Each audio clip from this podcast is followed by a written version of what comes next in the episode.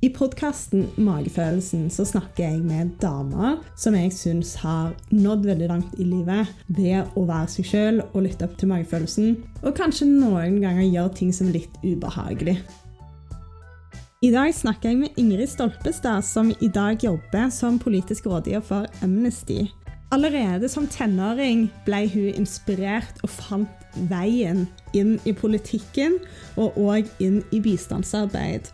Rett og slett ved at hun var på utkikk etter noe annerledes, men òg begrunna en kjekk gutt som kom på ungdomsskolen hennes og snakket om sin historie, og da motiverte henne og noen venninner til å melde seg som frivillige. Det har ført til jobber innenfor Røde Kors, Kirkens Nødhjelp og Fremtiden i våre hender. Hun har òg jobbet som journalist i NRK og jobbet for Film fra sør. Vi snakker om bl.a. det å skamme seg for vår egen personlighet og den vi sjøl er. Vi snakker om å føle at du tar litt mye plass, og lære seg å akseptere den vi er. En av de tingene som har hjulpet Ingrid med nettopp det, det er det å akseptere at alle ikke engang kommer til å like deg. Vi snakker òg om det å verne om fritiden og det å ta seg ordentlige pauser. Det at faktisk så er det ikke for alle det å jobbe døgnet rundt, og at det er faktisk vårt eget ansvar å sette grenser for hva som vi sjøl er komfortable med å bruke vårt liv på. Hjertelig takk for at du har lyst til å være med på podkasten min. Ja, det er veldig gøy å være her, altså. Ja, det er kult. Jeg liker å starte fordi alle jeg intervjuer, de syns jeg har veldig spennende historier. Så vi kan ikke gå inn på alt. Så hva er det du ville tatt ut fra din historie som du er mest stolt over? For å svare på det har jeg kanskje et konkret svar og et mer generelt svar. Mm. Eh, så jeg kan ta det generelle først, og så konkretisere det litt. Jeg tror jeg, jeg er stolt over å være en person som gjennom hele livet egentlig har jeg gjort ting uten å tenke så mye over konsekvensene. Ja. altså, jeg, har liksom, jeg har en sånn innstilling til livet som jeg lurer på om jeg bare er født med. Jeg vet ikke helt hvorfor det er sånn. Men at hvis jeg på en måte har fått en mulighet, så har jeg ofte sagt ja og hoppet på det. Og så mm. har jeg ikke liksom gått rundt og tenkt så mye rundt å herregud, er det smart med tanke på mm. karriere? Er det, hva synes andre om det? Og så videre og så videre. Så jeg har liksom hatt veldig lett for å få helt fantastiske opplevelser, da, sånn sett. Og også sagt ja til å gjøre ting hvor kanskje andre hadde sagt nei, fordi man ikke kan det så godt. For ja. jeg har jo sagt ja til å gjøre tusen ting som jeg egentlig ikke hadde forutsetninger for å gjøre. og så, men så har jeg, har jeg gjort det likevel. Mm. Eh, som kvinne så er jeg litt stolt over å være sånn, fordi ja. jeg tenker at det er veldig mange menn som mm. er litt sånn, kaster seg ut i ting uten helt å, helt å kunne det. Og tenker at det ordner seg sikkert. Mm. Eh, og det er jeg litt stolt over. Veldig gøy. Mm. Har du noen eksempler på liksom, kanskje det sprøeste du har gjort? ja, det sprøeste jeg, jeg, har gjort Det var jo litt sprøtt. Jeg dro til uh, Svasiland, som er et lite land i sørlige Afrika, da jeg var 17 år. Og var der i to år, gikk på videregående. Oi. Det er ikke helt unikt. Det er flere, det er det er et par uh, norske ungdommer som gjør det hvert eneste år. Mm. Men jeg vil si det, det er kanskje ikke så mange. Det er nei, ikke, nei, det er ikke, det er så ikke mange. Nei, det, er ikke, det, er ikke, så mange.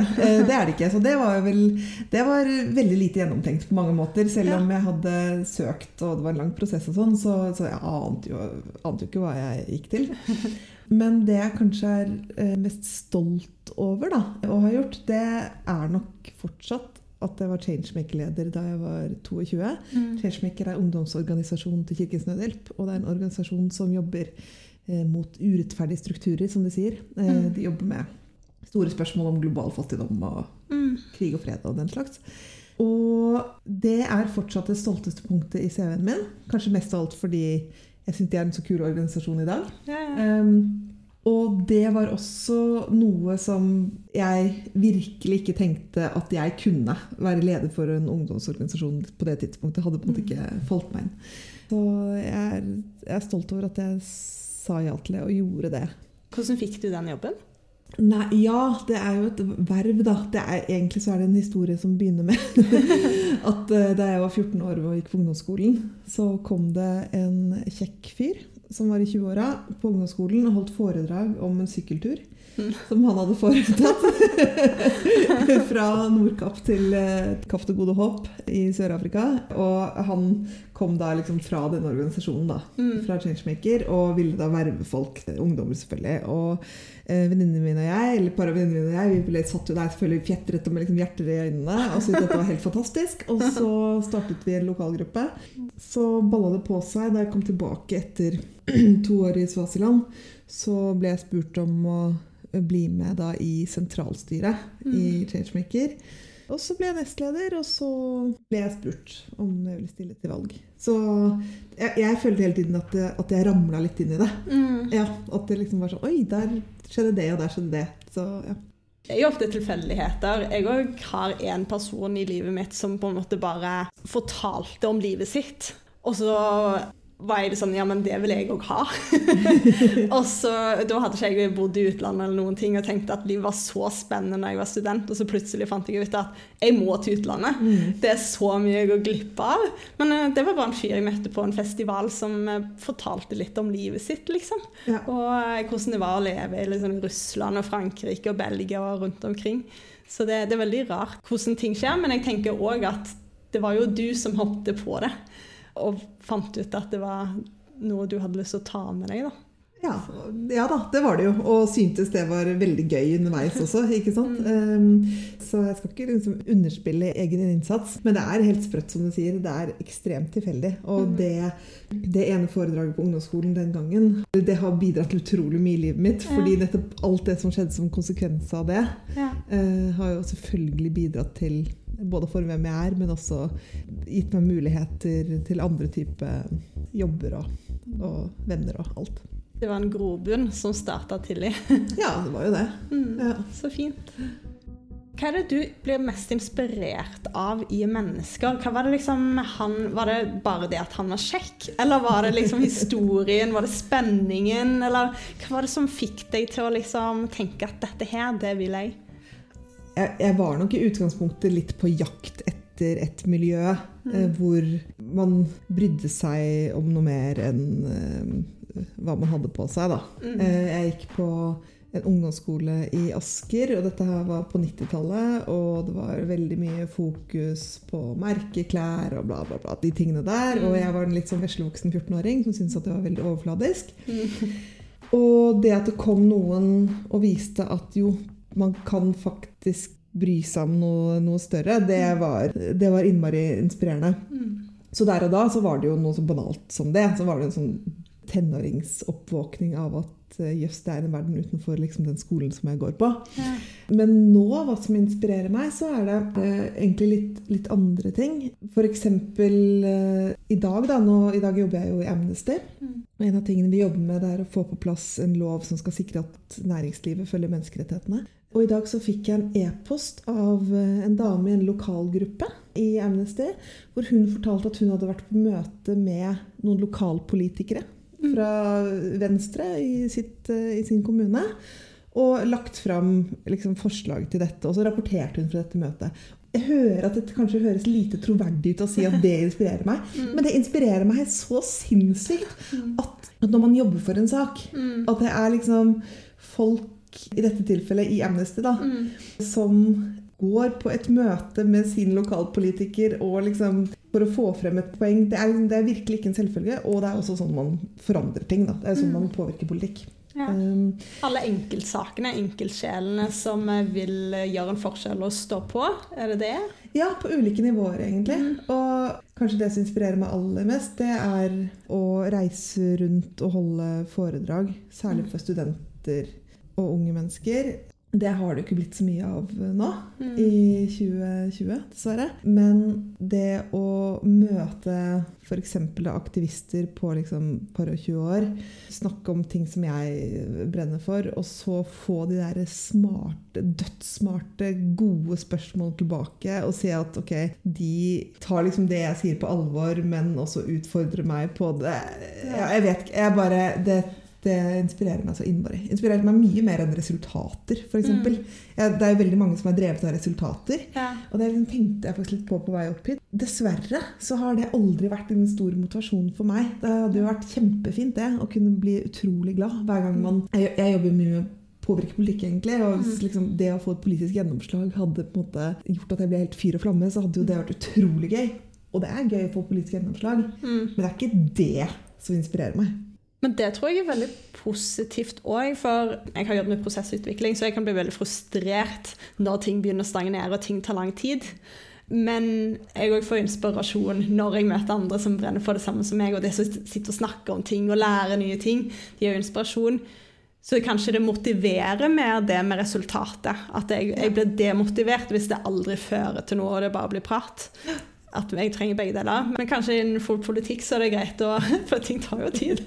Ja, ting, ting, ting tar jo tid. Og, og jeg er jo en person som eh, liksom, også går lei av ting. Jeg Mm. liker å liksom, jobbe med litt ulike ting. For hvis jeg bare skulle jobbet med én sak, så hadde jeg begynt å kjenne meg veldig, veldig fort, sannsynligvis. Ja. Så nei, jeg, jeg er glad for at jeg finner mye liksom, inspirasjon i det å møte folk som brenner for det samme. Og også mye inspirasjon i type kreative prosesser eller strategiprosesser og sånn. Det er noe av det gøyeste jeg vet. Ja. Er det å liksom sitte og ha et felles mål, f.eks. vi skal få gjennom denne loven. Mm. Og det der prosessen med å liksom sitte sammen en gjeng og så begynne å liksom jobbe ok, hvordan skal vi gå frem, liksom? hva slags strategi skal vi legge, hvem må må vi snakke med, osv. Det er noe av det gøyeste jeg vet. Ja. Så ligger jo da det å faktisk få loven gjennom åpenbart som viktig motivasjon der fremme. Mm. Men det er ikke det som får det til å kile i magen.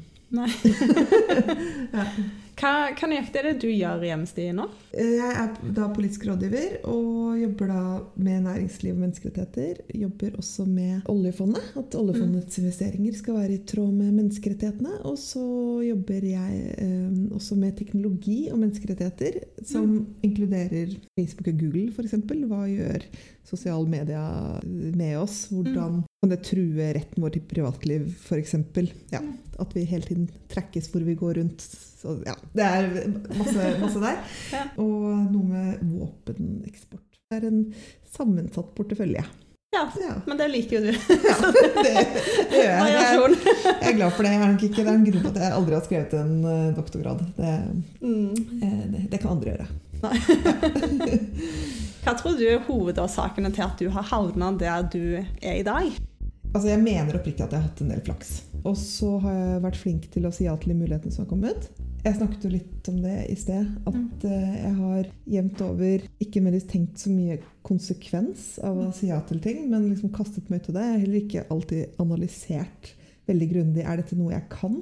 La oss si at jeg har sagt ja til et foredrag da, om Mm. et tema som jeg egentlig ikke kan så mye om. Så sier jeg ja i full begeistring, og så begynner jeg kanskje å tenke på det. Da ligger jeg våken om natta og, og lurer på hvordan i all verden dette skal gå, fordi da blir jeg nervøs. Ja.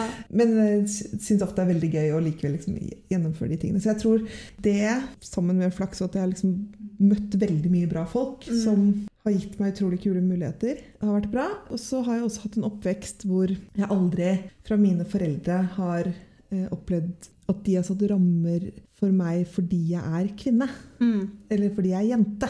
Mm. Jeg har ikke hatt en opplevelse i min oppvekst av å bli holdt igjen på noen slags måte. Eller at foreldrene mine prøvde å dytte meg i en jenteretning. Mm. Og det er klart, nå er jeg vokst opp, jeg, liksom, jeg ble født på 80-tallet, og da var, da var det ingen som gikk i rosa og lyseblått. Og a- veldig mye var annerledes enn det det er i dag. Ja. Men jeg tror likevel også jeg har hatt veldig flaks da, Mm. med, med familien min. Jeg hadde en bestemor som hun pleide alltid å liksom ta meg i hendene. For jeg var helt liten, og så pleide hun å sette seg på huk i siden av meg, og så, eller foran meg, og så pleide hun å si Jenta etter meg. Jeg kan alt, og det jeg ikke kan, kan jeg lære. Og så husker jeg som liten at jeg tenkte kommer ikke til å kunne alt. Men jeg, jeg, jeg skjønte det var en logisk brist der. Men eh, likevel så tror jeg det satte seg litt. da. Eh, Mm. At det er ingen begrensninger i mine muligheter Mm. pga. mitt kjønn. Nei. Og hun sa jo ikke det eksplisitt til meg, men eh, det lå nok der. Mm. Så jeg tror ja, kanskje de tre tingene, liksom. En veldig heldig oppvekst, en god familie som aldri har vært veldig tydelig på at jeg burde gjøre det og ikke det. Mm. Og at jeg liksom sier ja til ting, og også flaks. Mm. Jeg tror jo det bestemoren din òg sa litt, var at når ting er skummelt, så gjør det allikevel. Og det å faktisk ikke kunne, det er ikke problematisk, fordi at du kan lære det. Og alle er nybegynner på et tidspunkt. Så det er jo det er veldig fint. Det er utrolig fint at du sier, fordi det har jeg aldri tenkt på på den måten før. Men det er jo åpenbart det. det er åpenbart det hun sier. Ja, selvfølgelig er det det. Mm. Det er visdomsord. Og jeg, jeg, tror det har så mye å si hvordan vi er rundt våre relasjoner, da. Og mm. hvem vi er som partner eller mor eller datter eller far. Og, ja, og bare det å ja, velge å si sånne type ting til et barn, da. Jeg mm. tror virkelig det setter grobunn. Og jeg, jeg, jeg, hører folk snakke om flaks, ja, og jeg er litt sånn, jeg tror på karma, f.eks. Men det handler jo litt om hvis du er et godt menneske, så ønsker jo folk å behandle deg fint òg. Og det er litt det samme med flaks, at når du sier ja, eh, så ser du muligheter kanskje på en annen måte. Jeg kjenner meg litt igjen i det å hoppe på ting, og skal ærlig innrømme at i en alder av 25 så slo det meg sånn en vegg hvor jeg plutselig skamma meg veldig over alle tingene jeg hadde gjort. hvor jeg plutselig liksom begynte å få den eh, ansvarligheten i livet som jeg kanskje ikke hadde følt på på samme måte. Har du mm. noen gang følt på det? At du plutselig har fått litt sånn strøm når du ble voksen av at det er sånn Oi, har jeg gjort dette? Eller ja. Å, herregud. Ja. Jeg er litt sånn og hav. Kastet jeg meg inn i det? Det var jo helt eh, Hadde jeg ingen forutsetninger for for jeg kan faktisk ikke komme på noen sånne opplevelser nå. Altså Selvsagt med unntak av dumme mm. ting man gjør på fest, liksom. Mm, jeg tror det var mye festrelatert. som Ja, ja. det var litt da når jeg sluttet å feste veldig hardt og var litt sånn OK, kanskje vi skal Men eh, du har klart å stå for avgjørelsene og liksom eie de. Jeg tror jeg stort sett har gjort det, ja. Mm. Men det betyr ikke at jeg tenker at hvis jeg skulle på en måte gjort det igjen, at jeg hadde gjort alt likt. Mm. Men jeg kan si, si, at jeg angrer ikke på så mye. Mm. Bortsett fra et par ting, kanskje. Mm. Jeg eh, angrer på noe så banalt som at jeg slutta med fransk. Ja. Jeg har ikke noe tredjespråk. Det skammer jeg meg litt over, faktisk. Mm. Og det, det bør man ha. det, det, men det lukker døren til noen muligheter, ikke sant? Mm. Så det, det, angrer jeg litt på. Men det er jo veldig, veldig konkret. No, men noe annet jeg kanskje angrer også på, er at da jeg skulle begynne på videregående, altså et år før jeg dro til Svasiland, så skulle, skal man jo velge linje. Mm. Nå sa jeg at familien min har aldri liksom begrenset meg mm. på, i, i, noen retning, men det har egentlig ett unntak, og det var da. Mm. For da hadde jeg lyst til å gå musikkdansdrama, og. Så var faren min uenig, og så overtalte han meg til å søke allmenn i stedet. Og det angrer jeg faktisk på. Da skulle jeg ha liksom stått på mitt, fordi jeg vet ikke hvordan det er nå, men i hvert fall da så er det sånn at det er elevens valg, selv om man er under 18. Da skulle jeg ønske jeg hadde begynt på musikkdansdrama. Mm. For, det, for jeg, jeg, forsto, jeg, forsto jo bedre enn han hva jeg ville, og hva som var riktig mm. for meg. Jeg er helt overbevist om at det hadde vært, hadde vært riktig. Jeg hadde et kjempefint år på Aske videregående. Jeg elsket det og fikk masse gode venner, så det handler ikke om det. Men jeg burde tatt den drama, dramalinja som jeg hadde tenkt. Det er, liksom, det er en sånn ting som jeg har liksom tenkt på mange ganger. At ja, der, der, skulle jeg søren meg valgt annerledes og fulgt magefølelsen min. da. Mm. Mm. Ja, Den kjenner jeg faktisk igjen. Jeg, jeg, hadde lyst til å gå media. Og var veldig nervøs for det siste året. For da må du jo ta et sånn siste år med ma veldig masse norsk og sånn. Men jeg tror det hadde passet mye bedre for meg, for jeg var jeg visste ikke før jeg var sånn 25 hva jeg ville bli når jeg skulle bli voksen. Jeg ser litt an etter hvert da, og tenke at jeg, jeg, vet ikke om jeg liker noe før jeg har prøvd det. Og sånn var det litt på skolen òg. Og noen ganger så, så jeg kanskje ikke helt poenget med enkelte fag. Eller ja, skal, hva trenger jeg dette til? For jeg visste ikke hva jeg skulle bli når jeg ble stor, hvis du skjønner. Så jeg tror for min del ja, det å kanskje gå en plass hvor jeg hadde gjort noe mer praktisk eller hvor jeg hadde hatt det mer gøy. da. Jeg tror jeg kunne trengt det, for jeg var kjempeumoden. og det er jo apropos egentlig hele tematikken for denne mm. podkasten. Hvis, hvis, jeg har skjønt det riktig, nettopp det å tørre å følge litt magefølelsen og gå litt sin egen vei. Det der med skolevalg på videregående er jo en av de første gangene man virkelig blir stilt overfor et eget valg som har mm. store konsekvenser. Og da tror jeg utrolig mange kjenner på et veldig sterkt press som, mm. går, som går alle veier. Både for å skuffe foreldre og familie er veldig vanlig, mm. eller å velge noe annet enn eh, vennegjengen. ikke sant? Så jeg tror det er liksom noe som veldig mange kan Eller frykten for at det kanskje ikke er reversibelt. At du liksom, hvis du tar den avgjørelsen, så på en måte er du låst. Men det er du jo aldri. Jeg har jo utrolig mange venner som gikk eh, yrkesfaglig, som har endt opp med å bli ingeniører.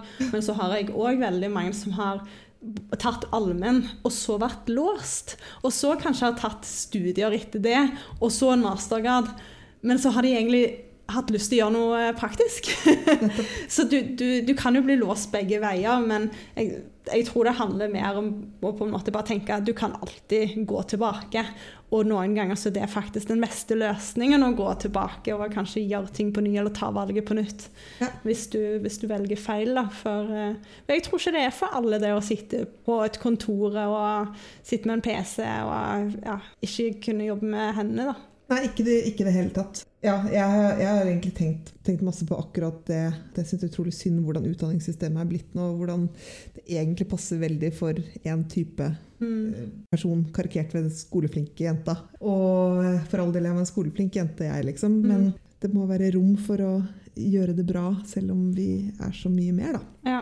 Men det er den første test, da. Det med det, det skolevalget ja. på, på videregående. Og nettopp det også, som du, som du sier, å innse at ja, det er faktisk ikke så farlig å velge feil. Mm. Det tror jeg jeg har lært litt mer i løpet av livet. da. Mm. At eh, det er faktisk ikke krise. Man kan alltid gå, til, man kan alltid gå tilbake. Mm. Og om det så er noe som er helt feil altså at du ønsker å du starter på studiet, du finner ut at at det er gærent. Mm. Jeg begynte på samfunnsøkonomi grunnfag for, eksempel, eh, for 100 år siden. Og det var jo feil. Og så ok, greit, så hoppet jeg over på statsvitenskap, da, som Mm. passet for meg. Mm. Eller, altså, Folk er så utrolig redde for at det ikke, ikke skal sitte, ikke skal være perfekt helt fra starten av. Ja. Og så er det unge mennesker. Mm. Eh, ser jeg så godt, liksom. Og det er så synd, Mm. for det gjør ikke så mye. Nei. Man har god tid, liksom. Livet livet er dødslangt. Ja, Ja. Så um, det er noe som jeg tror jeg har lært. det er bra. Det er en av de tingene jeg prøver å fortelle meg sjøl en del, da. Det at som regel uansett hva som skjer, så går det bra. Selv når det ikke går som planlagt. For, og selv om det egentlig ikke går bra, hvis du skjønner, så vil du på en måte finne en annen løsning. Da, og kanskje den faktisk passer deg bedre, og så har du lært innmari mye på veien.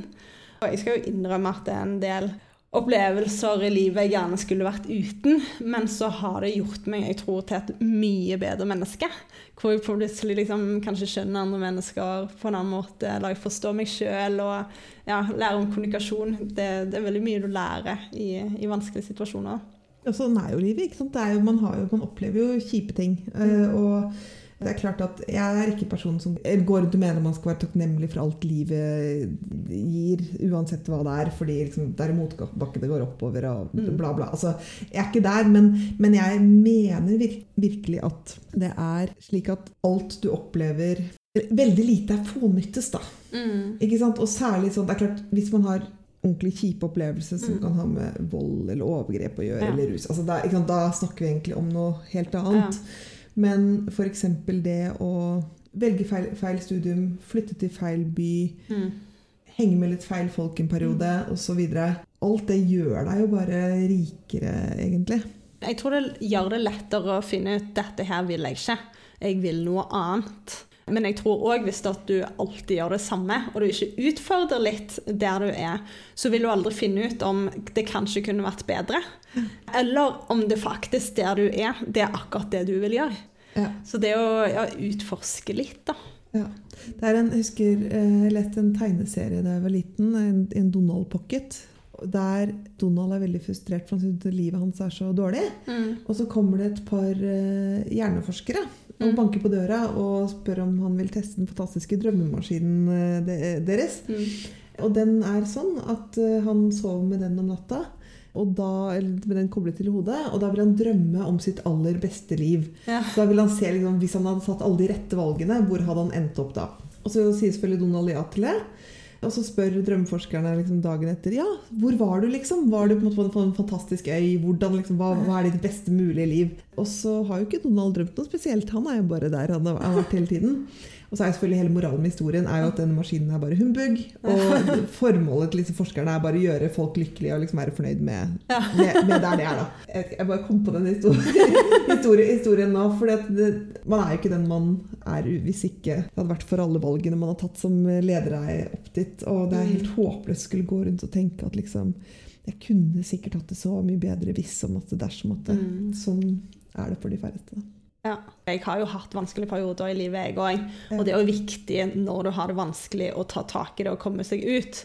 Fordi at du kan liksom leve med det en periode, og det tar tid å komme seg ut av det. Mm. Men hvis den perioden blir lang, så blir jo den perioden å komme seg ut av det enda lengre. Og det vil prege deg på en måte, de vanskelige følelsene vil prege deg lengre. da. Men det å ta tak i det og liksom finne ut hvordan du kan bruke det på en positiv måte Men det krever arbeid. Så det er jo ja, det der med motstand liksom, Ja, det gjør deg sterkere hvis du har de rette forutsetningene til å faktisk jobbe med deg sjøl. Og det har jo ikke alle, da. Men eh, det å kanskje skape det og huske at til syvende og sist så er du den eneste som kanskje kan ta vare på deg sjøl Ja. i en sånn situasjon. Er det noe du har syntes har vært spesielt utfordrende i løpet av livet? Jeg syns det er vanskelig dette med tid. synes tidsstyring er jo vrient, sånn, sånn generelt. Men for å, for å si noe mer, til si litt mer alvorlig Jeg syns det, det er vanskelig ofte å prioritere mellom venner, familie, folk jeg er glad i, jobb og tid som jeg trenger til å bare slappe av, egentlig. Eh, Og ta det rolig. Så å finne den balansen som alle middelklassemennesker i Norge driver og baller med, det er vrient, da. Jeg tror jeg er blitt eh, flinkere på det. Mm. Eh, men jeg husker veldig, sånn, særlig sånn tidlig i 20-åra, så følte jeg på veldig sterke forpliktelser overfor veldig veldig mange venner, f.eks. Og følte hele tiden at jeg, at jeg ikke strakk til. Følte hele tiden at jeg rakk ikke møte folk ofte nok osv. Mm.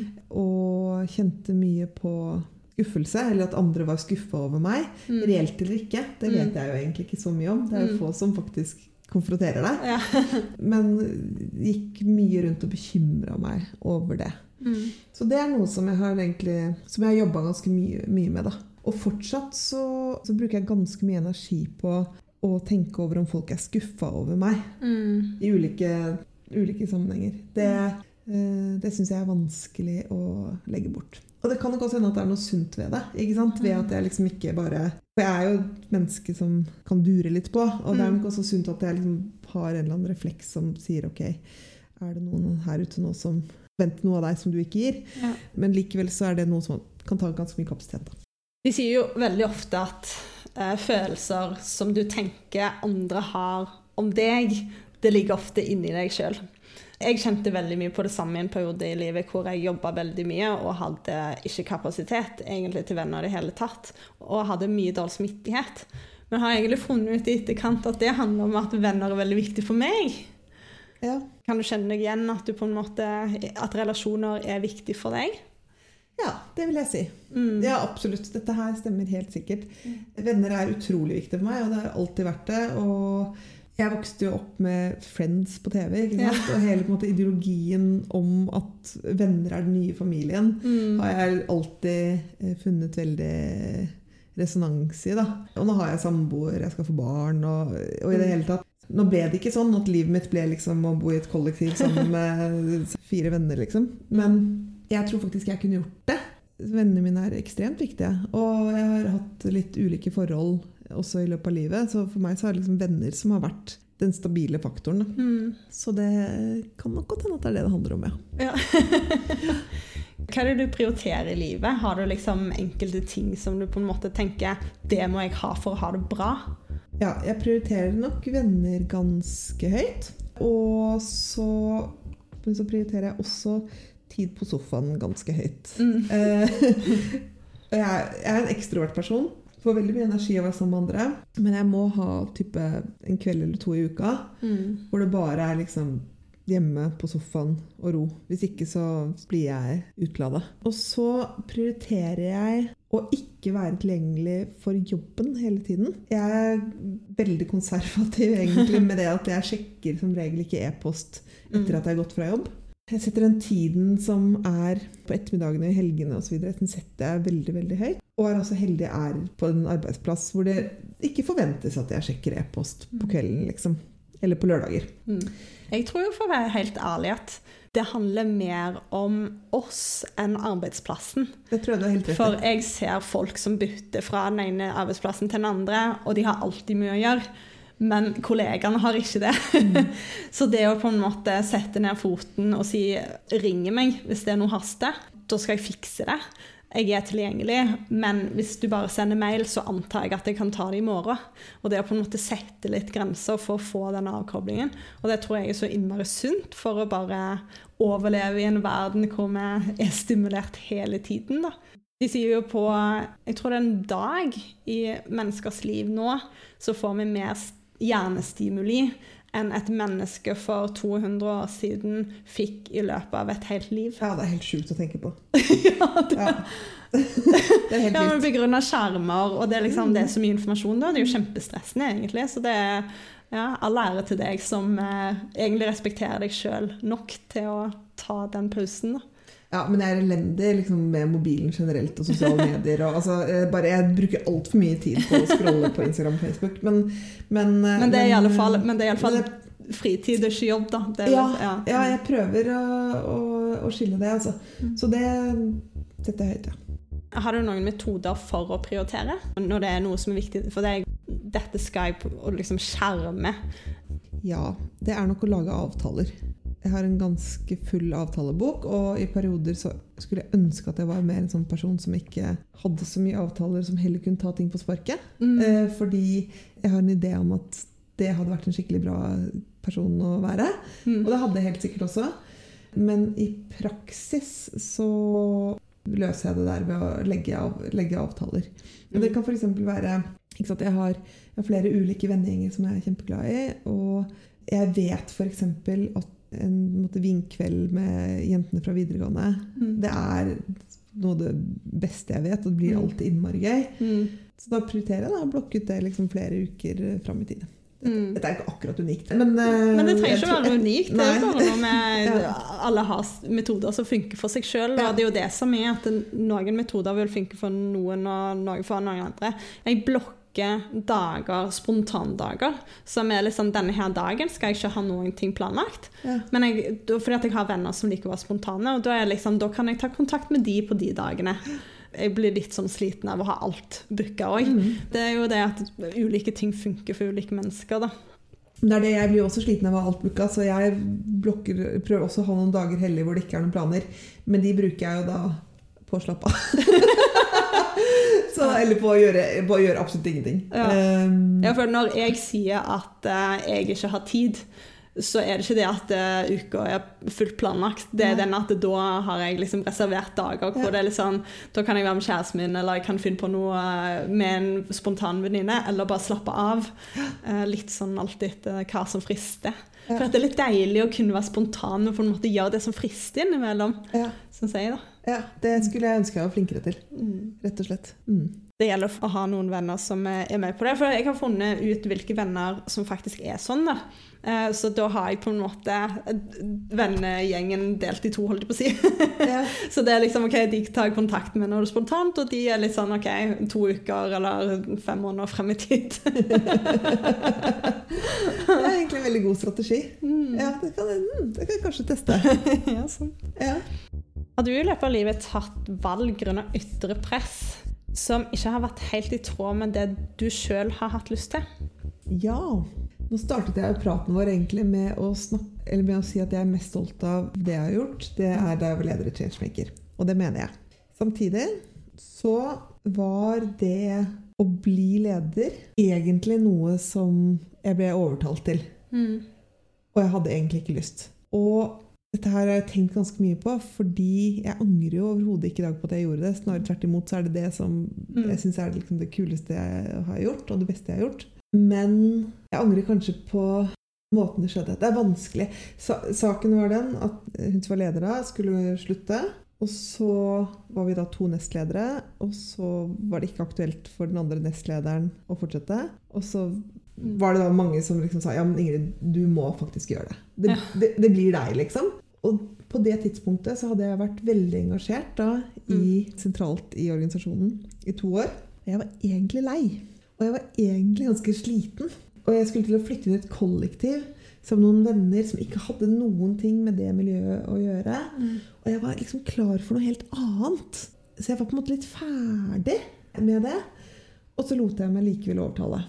Og så ble det helt fantastisk på noen måter. Mm. Men samtidig så gjorde det at jeg sto i det året, så sto jeg en spagat da, mellom det vervet da, som leder i Changemaker og det miljøet som jeg bodde i i det kollektivet, som var et kollektiv med utrolig mye fest og nachspiel. Og, ja. og det ble utrolig slitsomt. Jeg følte det var liksom to sider av meg selv som egentlig ikke hang så veldig godt sammen. Og det som er vanskelig med å snakke om dette, er at jeg har jo ikke lyst til å si 'la deg overtale' fordi du kommer til å bli glad for det. Fordi jeg er jo på en måte glad for det i dag. Jeg mener på en måte så var det feil at jeg sa ja. Mm. Men du var kanskje på et tidspunkt i livet hvor du bare var litt usikker. Kanskje du hadde litt sånn Du ble dratt i to retninger. Jeg ble dratt i to retninger. ja. Ja. Ja, for jeg hadde jo fortsatt det veldig sterke engasjementet for global rettferdighet. Da, som det er, og for denne organisasjonen. Mm. Det var jo ikke borte, det. ikke sant? Så det var jo helt klart sider av meg som, som ønsket det. Men, men kan det være noe med det kollektivet òg, at de på en måte trigga fram ting i deg som gjorde at du på en måte Du hadde lyst til å være en del av det, men samtidig en del av det change, og så Mm. ble det på en måte litt sånn at du ble veldig usikker på hvem du var i den perioden? Ja, det kan godt hende. Jeg var jo ung. Jeg var jo par og 20. Ja. Og jeg ante jo ikke hva jeg skulle bli i livet. Og det var en periode med veldig mye, mye forandringer. Veldig fine folk, altså de jeg bodde i kollektiv med. Fortsatt liksom noen av mine beste venner. Men mm. ja, det bidro nok til å liksom strekke meg i en spagat. Og så tror jeg også at det at jeg ble så sliten av det, bidro til at jeg året etter Mm. så gikk jeg på en smell. Og, var liksom, og måtte sykemelde meg. Fikk en lett depresjon. Og det tror jeg egentlig var sånn rester fra det foregående året. da. Mm. Jeg fikk aldri liksom henta meg inn Nei. av å stå i den spagaten mellom de liksom to personene. I tillegg til at selvfølgelig det var ganske mye jobbing. Det å være leder for en ungdomsorganisasjon. Og ganske mye festing. Ja. Og det sliter jo på, liksom. Ja, ja, ja. Men jeg tror det jeg ble mest sliten av, var det å skulle være to ulike mennesker. da. Mm. Det har jeg heldigvis sluppet senere i livet. De går med bedre overens. Det går bedre overens, rett og slett. Det gjør det, altså. Og, men det har ikke gjort det Det er ikke sånn at jeg har gjort det bestandig. Men nå føler jeg at liksom, den jeg er på jobb, og den jeg er med vennene mine, og den jeg er med samboeren min, det henger sammen, da. Jeg tror for meg ville ville vært fryktelig slitsomt å leve et liv der jeg måtte vært veldig forskjellige personer på hjemmebane og på jobb, f.eks. Mm. Det hørtes ut som du tidlig hadde ganske tydelige verdier. da. Og bare det å jobbe for en frivillig organisasjon og ha et verv i en alder av 22, det er jo ikke nødvendigvis veldig vanlig å liksom gå i den retning. Og jeg tror det er ganske mange i den alderen som snakker veldig mye om gutter og fest og det å flytte hjemmefra, og ting er liksom bare veldig sånn lett og, og lystig, da. Eh, og så kan jeg jo se for meg at jobben din var mye mer seriøs. Ja, ja, det kan du jo si. Det er seriøse Eh, tema som ja dere liksom jobbet for, da. Ja da. Og så samtidig så var jeg da i et miljø hvor det var Altså i det miljøet i den ungdomsorganisasjonen hvor det var normalt å være engasjert, ikke bare i den organisasjonen, men i ungdomspartier f.eks. Sånn at for meg så framsto det jo ikke som uvanlig i det hele tatt å være 22 og bruke masse tid på Mm. egentlig politikk. da. Ja. Og det er jo også helt, helt fantastisk. altså Det å jobbe med politikk når man er ung, Mm. og med politiske spørsmål når- man er ung, da har man en drive som er utrolig viktig for mm. veldig mye av motivasjonen for hva man gjør senere. I hvert fall Mm. for min del så er liksom de sakene jeg jobbet med da, de preger fortsatt hva jeg brenner for nå. da. Mm. Men ja, jeg hadde nok noen ganske sterke verdier og sterke idealer. Og jeg har tenkt på nettopp dette liksom, ok, hva, hva skulle jeg sagt til meg selv da jeg var yngre? Hva skulle jeg ønske på en måte at, at noen hadde sagt til meg? Og, og det er liksom kanskje at ja, du har alle disse verdiene og disse tingene du tror på. Sørg for å ha det litt gøy også! Ja. Og liksom ikke, ikke ha dårlig samvittighet for det. Nei. Og jeg hadde jo veldig mye gøy. Mm. Og det var veldig mye gøy også med de vennene mine fra liksom organisasjonslivet. Men jeg var jo også opptatt av de andre tingene som du snakker om. Jeg var jo også opptatt av liksom, det å flytte hjemmefra og gutter og festing. Og, og det, at det er, det er greit at det er viktig. Ja. Det hadde egentlig vært fint om noen sa til meg. Ja. Liksom. Det er helt greit at du syns at det er viktig i seg selv. For det er jo noe, Når du kommer inn i sånne miljø, Mm. så virker kanskje livet vårt litt sånn lite viktig i forhold. da. Og vi har det så bra, men så er det jo noe med, og det er noe jeg prøver å fortelle meg sjøl mye, er at for at jeg skal kunne gi mitt beste, så må jeg ta vare på meg sjøl. For med en gang jeg sliter ut meg sjøl, så har ikke jeg noen ting å gi. da. Ja. Eh, og det handler jo om faktisk å le og leke og tulle og tøyse og ja, bare tenke på noe helt annet. da. Ja, ja, og dra på Roskilde og drikke seg full og altså, det er litt, og Jeg gjorde alle de greiene der også. Det nekter meg jo ikke det. Så jeg har jo ikke, liksom, akkurat, jeg har ikke sittet på et rom og hatt det nitrist og skulle forandre verden samtidig. på en måte. Ja, men det er jo på en måte Men, med de eh, verdiene som ble litt sånn dratt i hver Ja. retning, da, og kanskje har dårlig smittighet for det. da. Ja, jeg tror det er veldig lett som ung å kjenne på et enormt ansvar for verden. Jeg tenker mye på det med de klimastreikende ungdommene nå. Jeg tror veldig mange ungdommer som har et stort klimaengasjement Jeg tror utrolig mange av de kjenner på et sånt utrolig sterkt alvor og frykt, og alt det er velbegrunna. Og noen ganger får jeg lyst til å liksom bare gå bort til dem og si Nå må du huske på han gutten i parallellklassen du er forelska i, og, liksom, og du må kline med han. Og, du må, altså, jeg, og det er også viktig, da. Gjør begge deler. De må gjøre begge deler, liksom. Og det er jo, jeg tror veldig mange av dem gjør begge deler. Så jeg skal Ja. ikke komme og være en sånn gammel tante som skal lære dem om det. Men, men, Men, men det er jo faktisk noe med det òg å Ja, men hva når de ikke kliner med han gutten? Og de tankene du har på kvelden. Det å lære seg å legge de fra seg òg. Og jeg tror det er kanskje det det handler litt om. Det å være takknemlig for livet og takknemlig for småting og se gleder og ikke tenke at ting er så tungt. For det er det som er frykten når du jobber med veldig alvorlige ting. Og ting som er kjempeviktig, at du er nødt til å på en måte balansere det. Jeg skal alle innrømme at jeg klarer ikke å ta inn over meg alt som er grusomt i verden. Fordi at jeg, jeg klarer ikke helt å skille meg og det. Så jeg må på en måte skjerme meg sjøl litt innimellom. da. Og jeg selvfølgelig følger jo med, men jeg, jeg er nødt til å på en måte sette grenser for hva som er greit for meg.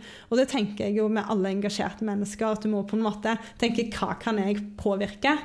Hva er innenfor mine rammer, og hva er på en måte utenfor? Og det som er utenfor, bare på en måte la det være der, og ikke liksom føle et ansvar for det òg, hvis du skjønner. Ja, absolutt. Og det er jo ingen som kan gjøre noe med alt i hele verden. Og verdens eh, store problemer og voldsomme alvor er overveldende. Særlig på unge mennesker. I Amnesty, da, hvor jeg jobber nå, så er det veldig, veldig mye fokus på fjas. altså, det er en veldig fin gjeng. Det er utrolig fine kolleger som er opptatt av veldig mye annet enn de veldig alvorlige tingene vi jobber med. Ikke sant? Vi jobber jo med brutale, fryktelige menneskerettighetsbrudd over hele verden. Vi jobber med tortur, dødsstraff, urettferdige fengslinger, eh, menneskerettighetsaktivister som blir arrestert for å stå opp for det de tror for. Ikke sant? Akkurat det, Ja, ja, de tingene vi snakker om nå, det er ekstremt alvorlig. Mm. Det er fryktelig, fryktelig alvorlig. Og jeg tror det er en slags sånn overlevelsesteknikk å da ha ganske mye rom for fjasing, da. Vi har veldig bra julebord, liksom. Og sånn, sånn må det være. Det er kjempeviktig, og det er all ære til de organisasjoner som klarer å prioritere det. Og jeg synes det så egentlig På alle arbeidsplasser så er det så viktig med den der kaffepraten. Og det å liksom ha noen kollegaer du kan snakke om hva som skjedde i helga, og liksom tulle og tøyse. Ja, det er det som gjør at du liksom føler den tilhørigheten, og jeg tror gjør at folk får det bra. Ja. Rett og slett. Har du noen tips til hvordan å klare det? Skille disse arenaene? For meg har det alltid vært kjempeviktig å ha venner fra ulike miljøer. Mm. Så jeg tror kanskje mitt beste tips er det. For da I hvert fall jeg, når jeg er i et miljø, og særlig hvis det er et miljø hvor man brenner for en sak, så kan jeg liksom gå veldig inn i det. Og det å da ha venner hvor man bryr seg om helt andre ting, hvor det er helt andre ting som er viktige, det er kjempeviktig. Så nettopp det å ja, ha folk rundt seg som representerer helt ulike ting, Mm. det tror jeg er ganske viktig. Samboeren min han er venstremann. Jeg kan jo si at jeg tilhører den andre politiske siden. Og det, det er jeg litt stolt av. Eller jeg syns det er litt bra. Altså, jeg er glad for å ha, ha det sånn i livet at jeg ikke bare er omgitt av folk som tenker helt likt meg. Jeg vet ikke helt om jeg svarte på spørsmålet ditt, men det, det, det Jo, det er vel det å på en måte ha ulike arenaer og kunne snakke om ulike ting. For det er jo Ja. noe med det du sa, at du blir veldig engasjert og inspirert av å møte folk i det miljøet, men du trenger pause fra det. Du trenger venner som bryr seg om helt andre ting, som kanskje er litt lettere tema, som du kan på en måte slippe den siden av deg sjøl. Så det høres ut som det som på en måte var litt vanskelig i 20-årene, nå har blitt en litt bedre ting. Det at du liksom da følte at du på en måte måtte være ulike personligheter. Men ja, kanskje du da har funnet liksom med tiden en måte å, å føle at du er deg sjøl på alle arenaer. Ja, jeg tror det er veldig mye større grad. Mm. Jeg syns jo 30-åra øh, egentlig er helt fantastisk. Liksom, man er liksom fortsatt så er man ikke blitt eldgammel eh, ennå. Eh, nå er jeg i siste halvdel av 30-åra, dessverre. Men, men man er fortsatt relativt ung og har veldig mange muligheter eh, foran seg. Og kan fortsatt gjøre veldig mye av det Mm. som man gjør, som unge mennesker gjør. Og så Mm. bare har man helt annen trygghet. Mm. Særlig første halvdel av 30-åra. Synes Det var helt strålende.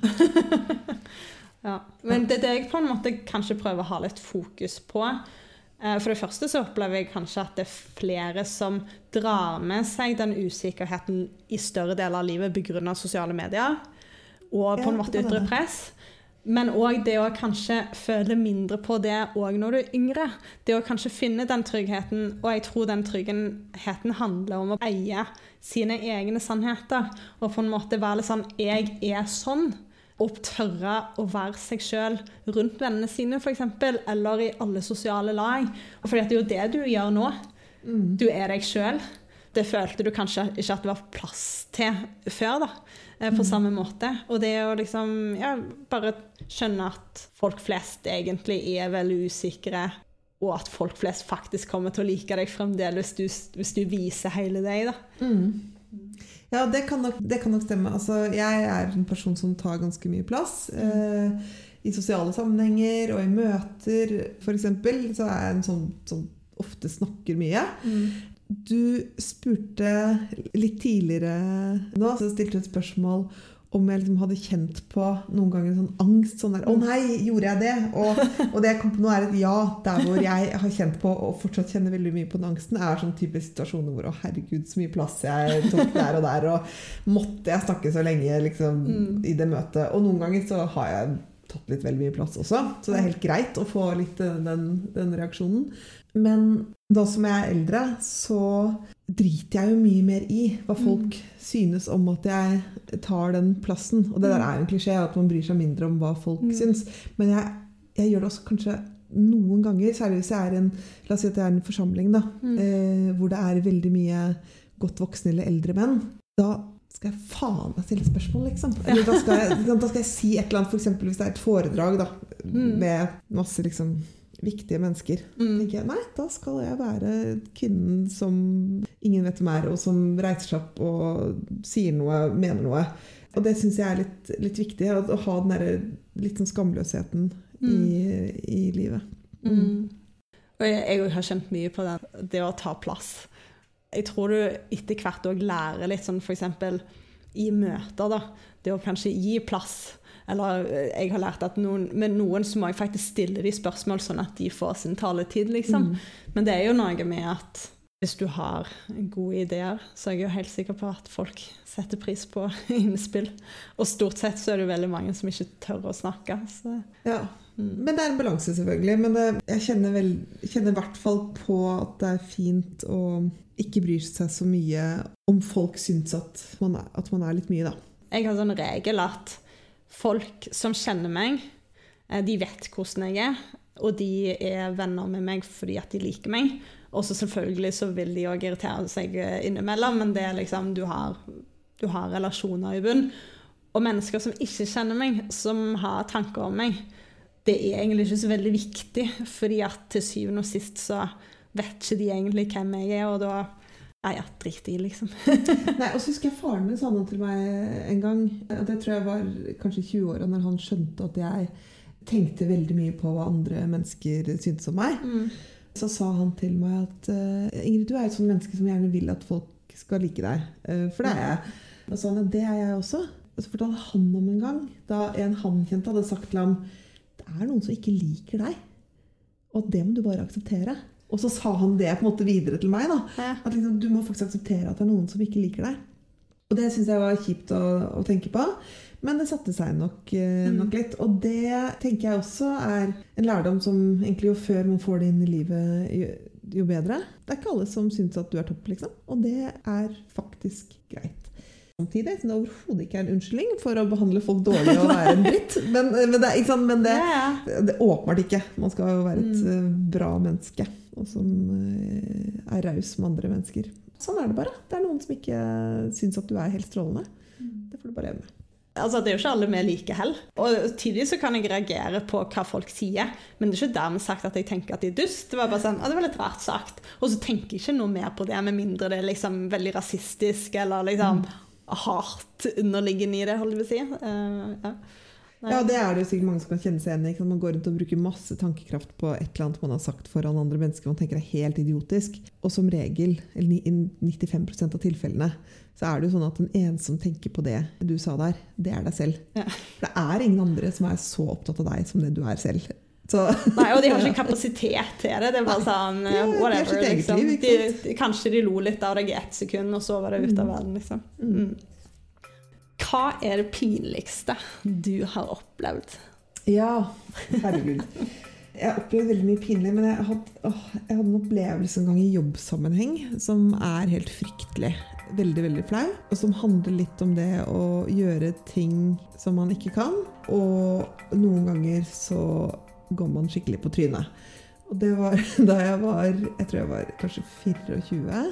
Og så hadde jeg en jobb ved siden av studiene i en redaksjon i Aftenposten som het Aftenposten Forbruker. da. Eh, Dette er lenge siden.